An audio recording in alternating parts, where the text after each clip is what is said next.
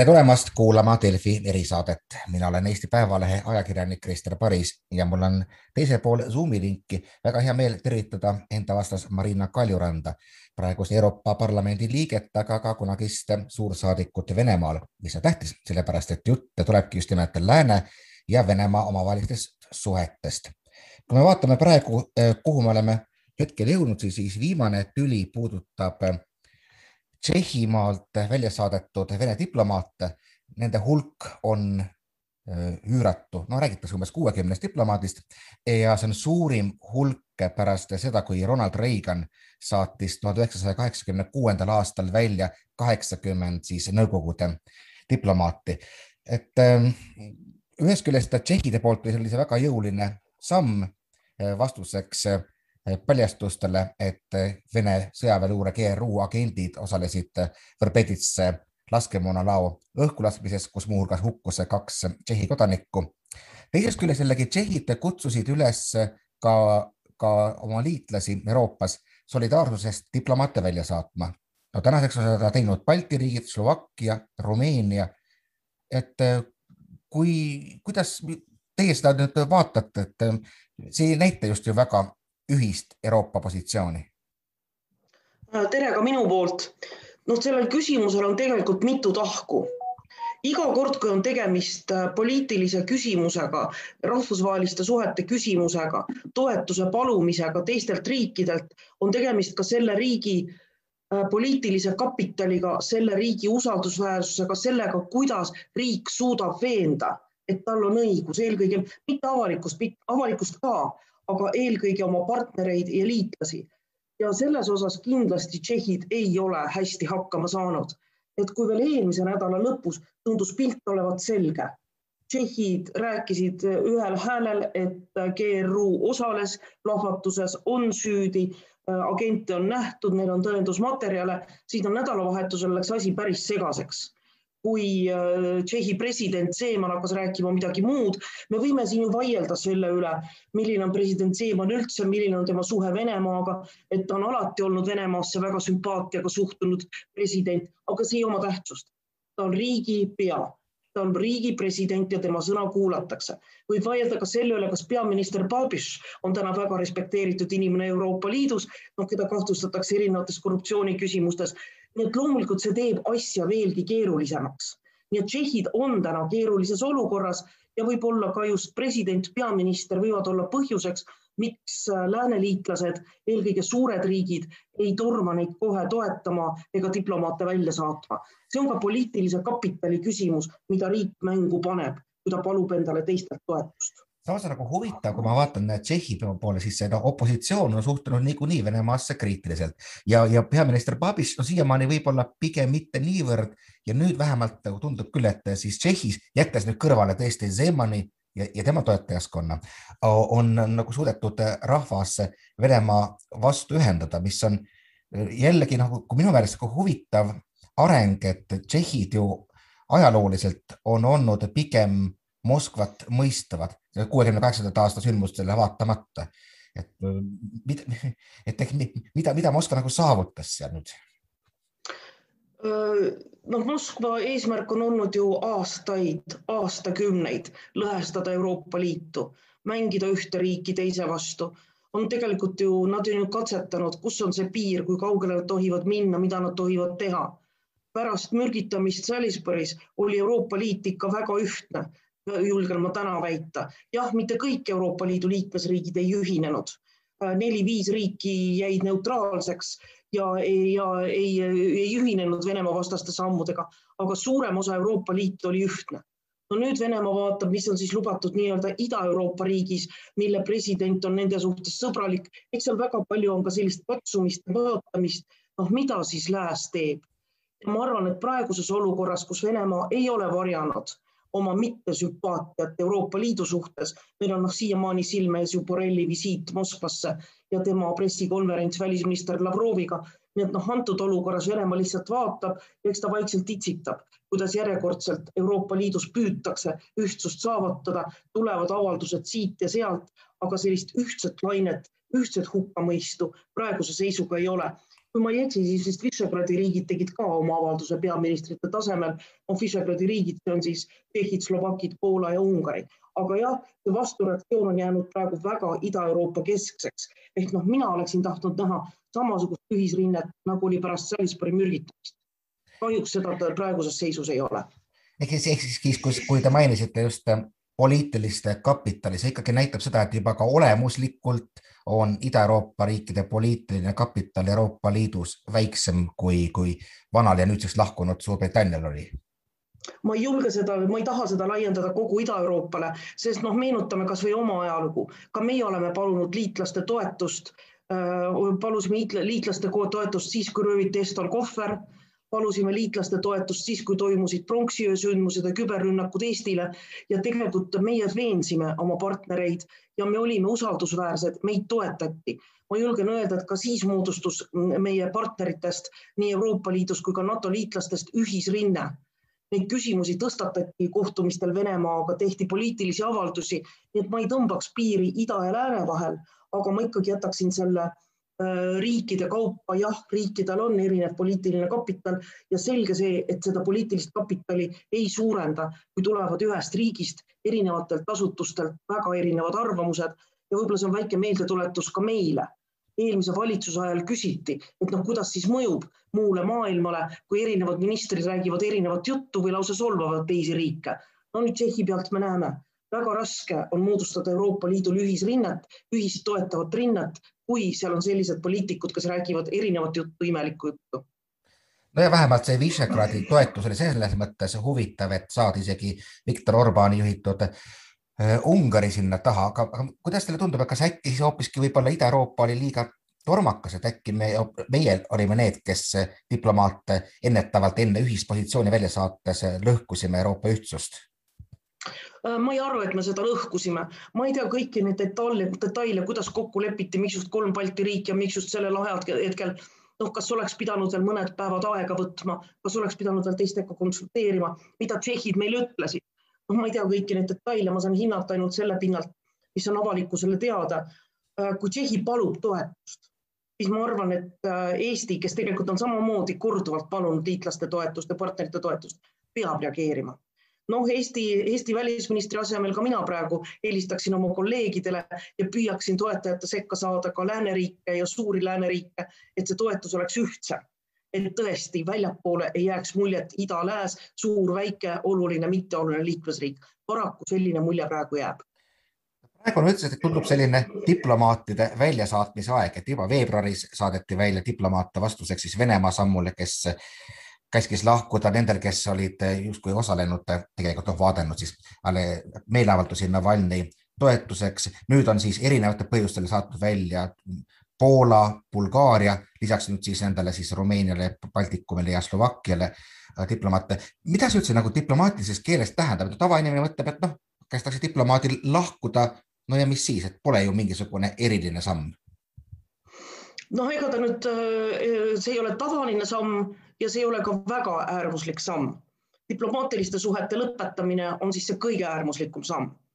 aga noh, diplomaatide väljasaatmist ikka ei võeta kergelt, sest sellele eelnevad mitmesuguseid teisi diplomaatilisi meetodeid, mida kasutada saab. ma ei tea, vestlustest, vaibale kutsumisest, nootide vahetamisest, avalduste tegemisest, et on palju selliseid samme ja siis minnakse diplomaatide väljasaatmiseni Äh, noh, ka Eesti praktikas on olnud juhtumeid, kus meie oleme diplomaate välja saatnud ja ka meie diplomaate on välja saadetud. nii et jah, seda on juhtunud ja välja saadetakse alati keegi konkreetne inimene. et ei ole niimoodi, et valige oma äranägemisel, aga üks teie koosseisust peab lahkuma, vaid väljasaatmise nõue esitatakse konkreetsele inimesele. seda reeglina põhjendatakse ühtemoodi, et tema käitumine ei vasta rahvusvahelistele lepingutele, eelkõige siis Viini diplomaatiliste ja konsulaarsuhete konventsioonile no ja talle antakse siis mingisugune aeg asjade pakkimiseks ja riigist lahkumiseks kakskümmend neli tundi, seitsekümmend kaks tundi, mõnel juhul pikemalt. nii et noh, see on ikkagi, see on ikkagi suhteliselt mitte äärmuslik, aga see on samm, mis ei juhtu igapäevaselt et jah, ühest küljest on see pahameeleavaldus ja teisest küljest seesama põhjendus, ma saan aru, et olemuslikult on tegemist eufemismiga luuramisele, eks? no öeldakse, et tegutses diplomaadile mittesobivalt. aga aga, aga noh, keda välja saadetakse, võin ka mina seda öelda oma praktikast, kui saadeti välja meie diplomaate Venemaalt, siis eks äh, kaalutakse väga põhjalikult, vaadatakse, et see, kes välja saadetakse, oleks oma tasemelt enam-vähem samal tasemel, nagu saadeti teisest riigist välja. noh, saadetakse välja see võib-olla, ikka on ju teada, kes on tublim, kes on nutikam, kes on parem, kes on efektiivsem. selge see, et püütakse välja saata selline inimene, kelle kaotus saatkonnale on äh, kõige suurem nii et on ikka kaalutakse, vaadatakse, mõõdetakse, sest noh, diplomaatias valitseb vastastikususe põhimõte ja kedagi ei huvita, mis see tegelik põhjus oli. kui üks riik saadab välja, siis teine riik peab vastama samaga, kui ta samaga ei vasta, siis ta tunnistab ennast süüdi. no eh, Tšehhide puhul just on, öeldud seda, et eh, Venemaa saatkond Prahas oli üks suurimaid Vene luurekeskusi, et, et see tohutu hulk diplomaate eh, ongi nagu põhjendatud sellega nende hulka, et, et sealt siis võib-olla juhitigi päris paljusid eh, operatsioone Euroopas, mis aga tähendab seda, et noh, ilmselt asjaomastele organitele oli suurema osa luurajate olemasolu ja tegevus üldse teada. et miks sellistel luurajatel harilikult üldse tegutseda noh, lastakse, ma saan aru, et, et see on nagu natukene siis riikidevahelistes suhetes aktsepteeritav, et kuni sa ei ületa teatud piiri, siis noh, parem omada sellist teatud ja tuntud äh, agenti, kellel omakorda silma peal hoida. Või miks, miks seda tehakse, et nagu kui praegu öeldakse, et küll on hea, et me purustasime Vene luurevõrgustikku, siis on ikka tekib küsimus, et aga miks seda juba ammu ei tehtud? noh, eks selleks on erinevaid põhjuseid ja kindlasti ei ole mina pädev seda kommenteerima ma arvan, et see on pigem küsimus julgeolekuasutustele, et noh, eks nemad jälgivad oma kolleegide tegevust tähelepanelikumalt ja see on pigem küsimus neile. aga ma kommenteeriksin seda, et kui me räägime, et Tšehhist saadetakse välja suurusjärgus kuuskümmend diplomaati, siis noh, võib-olla lihtsalt ka nendele inimestele, kui suured on Eesti esindused. Eesti esindused on ikka viis inimest, kuus inimest, ühe-kahe inimese esindusi enam ei ole. kui on suuremad esindused, siis nad on olnud valdavalt seotud sellega, et on väljastatud viisasid või on vaja kodanikke abistada, et noh, need on need suurusjärgud, kus tehnilise töötajaga kümme inimest on selline no juba suur Eesti esindus. Ja nüüd siis Tšehhist saadetakse välja kuuskümmend diplomaati, noh lihtsalt, et näidata seda mõõtkava, et no vahel küsitakse, miks Eesti vastab ainult ühe väljasaatmisega, aga meie pink ongi nii lühike, sest praktika tähendab ka seda, et kui diplomaadid on välja saadetud, noh siis mingi aja pärast hakatakse neid kohti jälle täitma ja diplomaate tagasi riiki võtma ja eks riigid püüavadki jälgida, et äh, oleks selline tasakaal, et nii-öelda kui väljasaatmiseks läheb, et siis keegi ei kannataks rohkem kui teine, et meie pikk ei oleks oluliselt lühem kui teistel. Mida see nagu tähendab, kui su enda diplomaat välja saadetakse, ikkagi seda, et sa, et, et nii-öelda pilk või see arusaam sellest riigist, kus diplomaadid olid, jääb äh, ahtamaks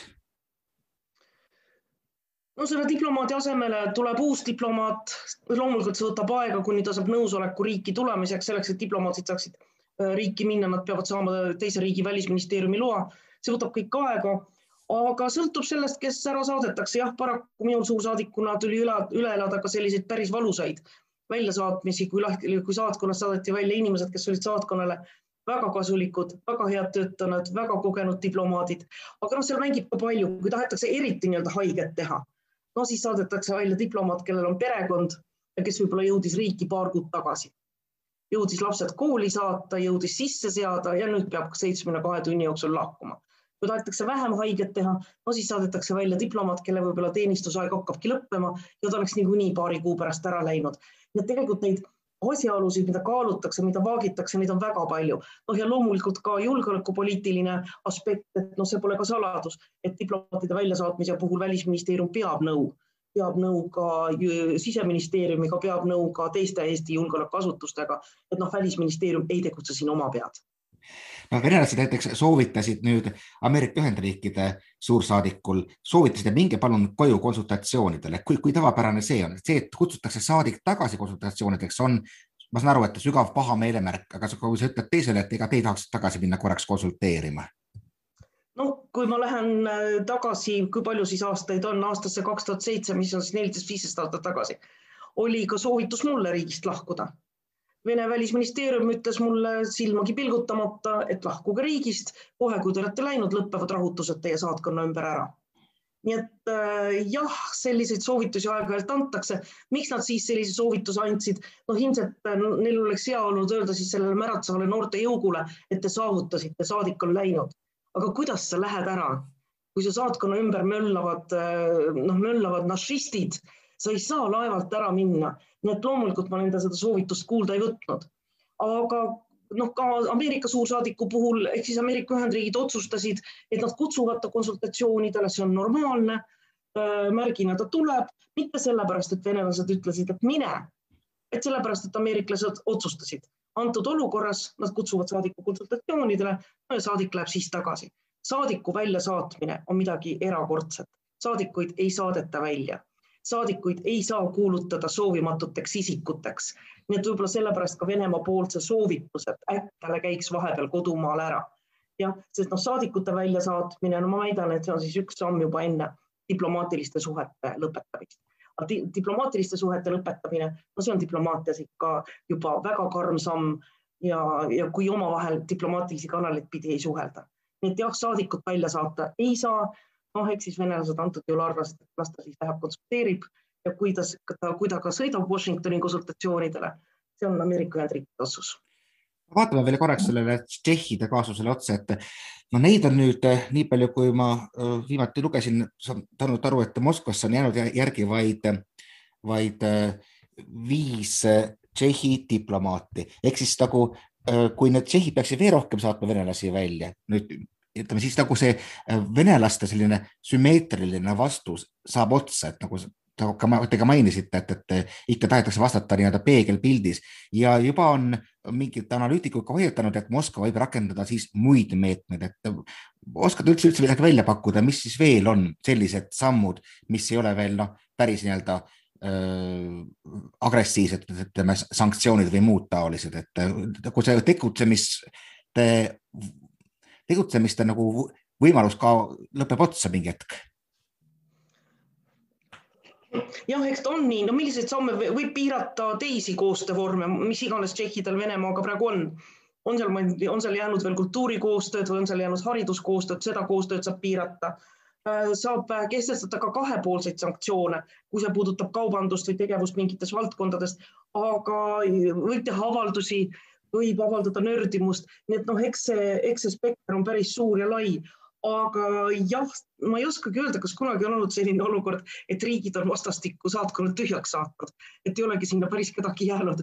seda ma ei oskagi öelda, kas niimoodi on olnud. no ma arvan, et eks see nüüd Tšehhis vaikselt vajub ära ja, ja kui ma vaatan ka praegu, et lääneriigid ei torma eriti Tšehhe toetama, mis ei ole õige, siis võib-olla noh, see on ka Äh, üks põhjus, kui siis venelased lõpetavad diplomaatide väljasaatmise, rahunevad praeguse olukorraga ja hakkavad siis endale otsima uusi konfliktipiirkondi. Nagu ka president Putini viimane, äh, viimane kõne või pressikonverents andis märku, no ega sõbralikkust praegu Venemaa poolt oodata ei ole teisest küljest jällegi, kui me nüüd seesama pressikonverentsi ette võtame, siis ta oli ju ootamatult leebe ikkagi, et oodati, ma ei tea, mis üllatusi ja on väidetud isegi, et viimasel hetkel kirjutati kõnet ümber ja puha ja on umbes spekuleeritud hästi palju, et, et, et huvitav küll, et mis sõnumeid saatis talle Euroopa Liit või USA või kas talle anti umbes roheline tuli Nord Stream kahe lõpule ehitamiseks, miks ikkagi Vene väed Ukraina piiril oma õppuse lõpetasid, no ehkki selle koha pealt on erinevaid spekulatsioone, mida see tähendab, aga et ikkagi, et, et ma küsin, küsin kohe vahele, et mis, mis tunne teil on, et miks järsku Venemaa näitas ikkagi pigem leebemat poolt? ma arvan, et ma, ma ei arva, et siin oli oluline roll mängida Euroopa Liidul, sest noh, Euroopa Liidu Venemaa suhted on praegu kehvad ja noh, nagu ma ütlesin, ka seda näitas väga hästi Borrelli visiit ja pressikonverents kus teda mõnitati, alandati, no sellega näidati väga selgelt, et Euroopa Liidus ei nähta täna partnerit. võib-olla oli kaalukausiks äh, võimalik kohtumine Joe Bideniga. samas on Venemaa nüüd pärast seda kandnud äh, Ameerika Ühendriigid ka oma vaenlaste listi. nii et seal on nii palju küsitavusi. Äh, võib-olla mängis mingisugust rolli, ma ei tea, Ameerika Ühendriikide sõjalaev mis liikus Musta mere poole. nii et seal on ilmselt nii palju näitajaid, nii palju, nii palju telgitaguseid, noh, mida me ei oskagi arvata. kas president Putin oli leebe? nojah, kui ma võrdlen selle sõnavaraga, mida ta vahel on kasutanud, mis on selline noh, sellise harimatu sõjaväelase sõnavara, siis jah, seekord tema kõnes ta ütleme roppusi ei kasutanud ja selliseid kohatuid lauseid ei kasutanud. Aga no ta ütles välja, et on olemas punased jooned ja kui te üle punaste joonte tulete ja kui te tulete, kui te sekkute meie asjadesse, no siis hakkab saama. ta jättis lahtiseks, mis kõik saama hakkab, aga nüüd ütleme, see ähvardus ikkagi kõlas ära et äh, ei olda praegu sõbralikes suhetes ja jälgitakse, mida Euroopa Liit teeb ja kui nüüd kuskil see punane joon ületatakse. mis puudutab Nord Stream kahte, muidugi on Venemaa sellest huvitatud ja ma arvan, et Venemaa jälgib praegu murega, mis toimub Saksamaal, roheliste võimule, roheliste populaarsuse tõusu, lähenevaid valimisi äh, Saksamaal. loomulikult ollakse ka selle pärast mures, et kuigi Nord Stream kaks on ju põhimõtteliselt valmis ehitatud, jäänud on vist mingid üksikud protsendid ja ta peaks olema töökorras äh, selle aasta lõpuks siis Saksamaa valimised võivad seda protsessi väga tugevalt mõjutada ja on ju teada, et Ameerika Ühendriigid on algusest peale olnud Nord Stream kahe vastu. nii et jah, võib-olla ka see oli kaalukausil, nii et ilmselt äh, Putinile anti nõu praegu midagi räigemat mitte öelda, vaid äh, öelda, nagu ta ütles ja valmistuda kohtumiseks Joe Bideniga, mis ma arvan, siis vist ikkagi toimub, vähemalt praeguse seisuga. No samal ajal on Ameerika Ühendriigid juba juba, juba enne siis Putini kõnet äh, aprilli keskel kehtestasid päris noh, ma ei oska öelda nüüd, kas ulatuslikud sanktsioonid, aga ütleme mitmekülgsed sanktsioonid Venemaale vastuseks äh, Venemaa tegevuse eest ehk siis ütleme küberrünnakute eest äh, valimistes, USA valimistesse sekkumisel. et me jõuame jällegi klassikalise küsimuseni, et. see, see, see ei olnud mitte ainult valimised, vaid üldse küberrünnakud Ameerika Ühendriikide vastu. just, et kui, kui, täpselt just, et kui, kui noh, jälle klassiline küsimus, et mida üldse on võimalik saavutada äh, sanktsioonidega riigi suhtes, kes on ennast üsna hästi nii-öelda globaalse majanduse eest varjestanud. noh, ma toon nagu näiteks, et kui keelati Ameerika pankadel osta uue äh,, uusi Vene valitsuse võlakirju, noh, kusjuures vanadega võib kaubelda, siis vaatajad tõid kohe välja, et aga kuulge, kaheksakümmend protsenti Venemaa võlast on kohalike investorite käes, ehk siis ta nagu suhteliselt hästi ennast varjestanud, et äh, jäävadki nad pigem selliseks sümboolseks. jah, no sanktsioonidega käibki kaasas see lõputu vaidlus, et kas nad töötavad või nad ei tööta. no ma arvan, et mõnel juhul tuleb sanktsioone kehtestada ka sellepärast, et mitte vait olla, vaid sellepärast, et reageerida näiteks noh, Krimmi okupeerimisele kehtestatud sanktsioonid, me võime ka öelda, et nad pole tänaseni töötanud. Krimm ei ole vaba, Venemaa ei taha sellest rääkida, vastupidi, Venemaa on veelgi agressiivsem aga no mõnel juhul tuleb seda teha lihtsalt sellepärast, et oma seisukoht välja öelda, mitte vait olla, reageerida. millised sanktsioonid töötavad? ma arvan, et sanktsioonid töötavad siis, kui nad on tõesti suunatud teatud sektoritele ja peabki vaatama neid sektoreid, mis siis Venemaale kõige, kõige, kõige olulisemad on või mis neid kõige rohkem haavavad sest noh, nii kui Euroopa Liit või Ameerika Ühendriigid hakkavad rääkima sanktsioonidest, tuleb ju Venemaa pealt, Venemaa poolt suur kisa suured protestilained, kuidas jälle, mis nüüd sanktsioonid, ei ole vaja sanktsioone, järelikult see ikkagi neid mõjutab. kui neil oleks täiesti ükskõik, kas sanktsioonid on või sanktsioonid ei ole, no siis võiks ju vaikides sellest üle minna, aga alati on ju selline noh, äge reaktsioon, kuidas neid ei ole vaja kehtestada. ütleme ka isikute vastased sanktsioonid, noh, ma ootan kogu aeg, millal jõutakse siis Putini ringkonnale veelgi lähemale, sest võib ju kehtestada sanktsioone keskpärastele ametnikele keskpärastele vanglaametnikele, prokuratuuri töötajatele, aga kui nad ei ole tipus, siis keegi ei pane seda tähelegi, nende asemel tulevad uued. nii et sanktsioonid peavad olema, nad olema tõesti väga hästi sihitatud, väga hästi kaalutud, väga hästi läbimõeldud ja sellistes valdkondades, mis Venemaad puudutavad, no ma kujutan ette näiteks tehnoloogiaalast koostööd tahaks Venemaa praegu väga teha Euroopa Liiduga. Küberalast koostööd, noh, Venemaa ei ole usaldusväärne partner, see on keeruline, aga tulebki just vaadata neid valdkondi, kus Venemaa tahaks ise koostööd teha ja seda piirata. kas siis sanktsioonid hakkavad tööle?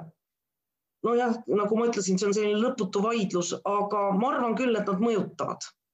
kas nad kap, sunnivad Venemaad rohkem kapselduma?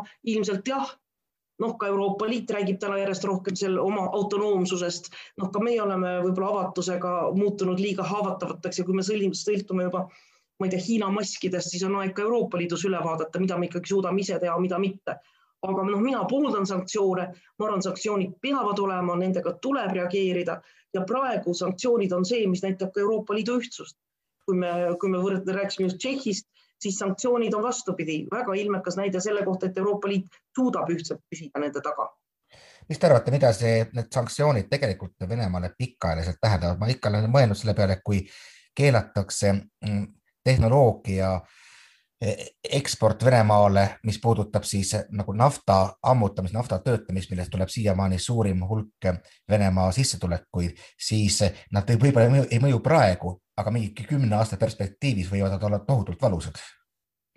Jah, ma usun küll, sellepärast et Venemaa peab hakkama otsima endale uusi partnereid, noh, ei ole ka saladus, et Venemaa teeb järjest suuremat koostööd Hiinaga, aga noh, tehnoloogiaalane koostöö Hiinaga on ju alati noh, sellise küsitava väärtusega, et alati on see risk, et kaua me teeme koostööd ja siis nad lõpuks ja siis nad lõpuks noh, kopeerivad sama asja maha või, või kui palju nad seal teevad seda Venemaa huvidest lähtudes, Hiina ikkagi tegutseb enda, enda huvidest lähtudes jah, ma arvan, et sanktsioonid pikaajaliselt mõjuvad ja just nendes sektorites, nagu te nimetate, kus Venemaa ise kõige rohkem tahab läänega koostööd teha.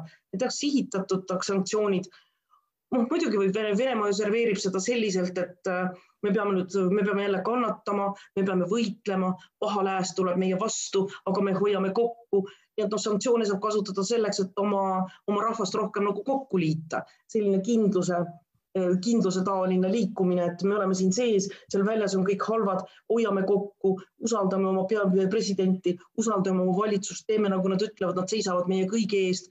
loomulikult nad aitavad kaasa ka sellist retoorikat edendada ja, ja selliseid, selliseid äh, tundeid tekitada venelaste seas, sest ma arvan küll, et kui praegu venelaste seas küsida, ega Ameerika Ühendriigid ja Euroopa Liit ei ole populaarsed.